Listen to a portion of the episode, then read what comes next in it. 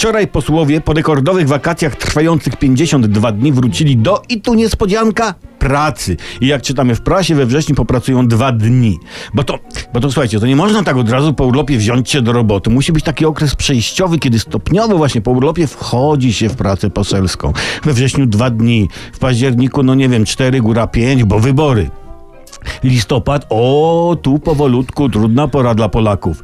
Wszystkich świętych, setna rocznica odzyskania niepodległości. No, w grudniu to, to, to ciężki miesiąc, cię, ciężki. Często śnieg, nierzadko mróz. Tutaj w grudniu, no, dwa dni robocze przedzielone Mikołajem. Później się nie opłaca, bo święta, spotkanie opłatkowe. Zatem spotykamy się po feriach, po nartach, żeby w marcu przez dwa dni zastanowić się, co się będzie robić w Sejmie w kwietniu, kiedy to na początku jest Wielkanoc, która bruźni, bruździ, ale nic to w kwietniu przez trzy dni trzeba zrobić to, co ustalono w marcu, czyli żeby w maju w dwa dni zaplanować harmonogram prac na lato, które no ma być wolne ze względu na okres urlopowy, później wrzesień i, i, i, i w ogóle. No. no jak więc widzimy, kalendarz nie sprzyja pracy posłów, wręcz utrudnia im naprawianie Polski. Liczne święta i weekendy oraz inne obowiązki posłów wynikające z ogólnego charakteru życia jako takiego powodują, że coraz trudniej jest im znaleźć czas na pracę dla kraju.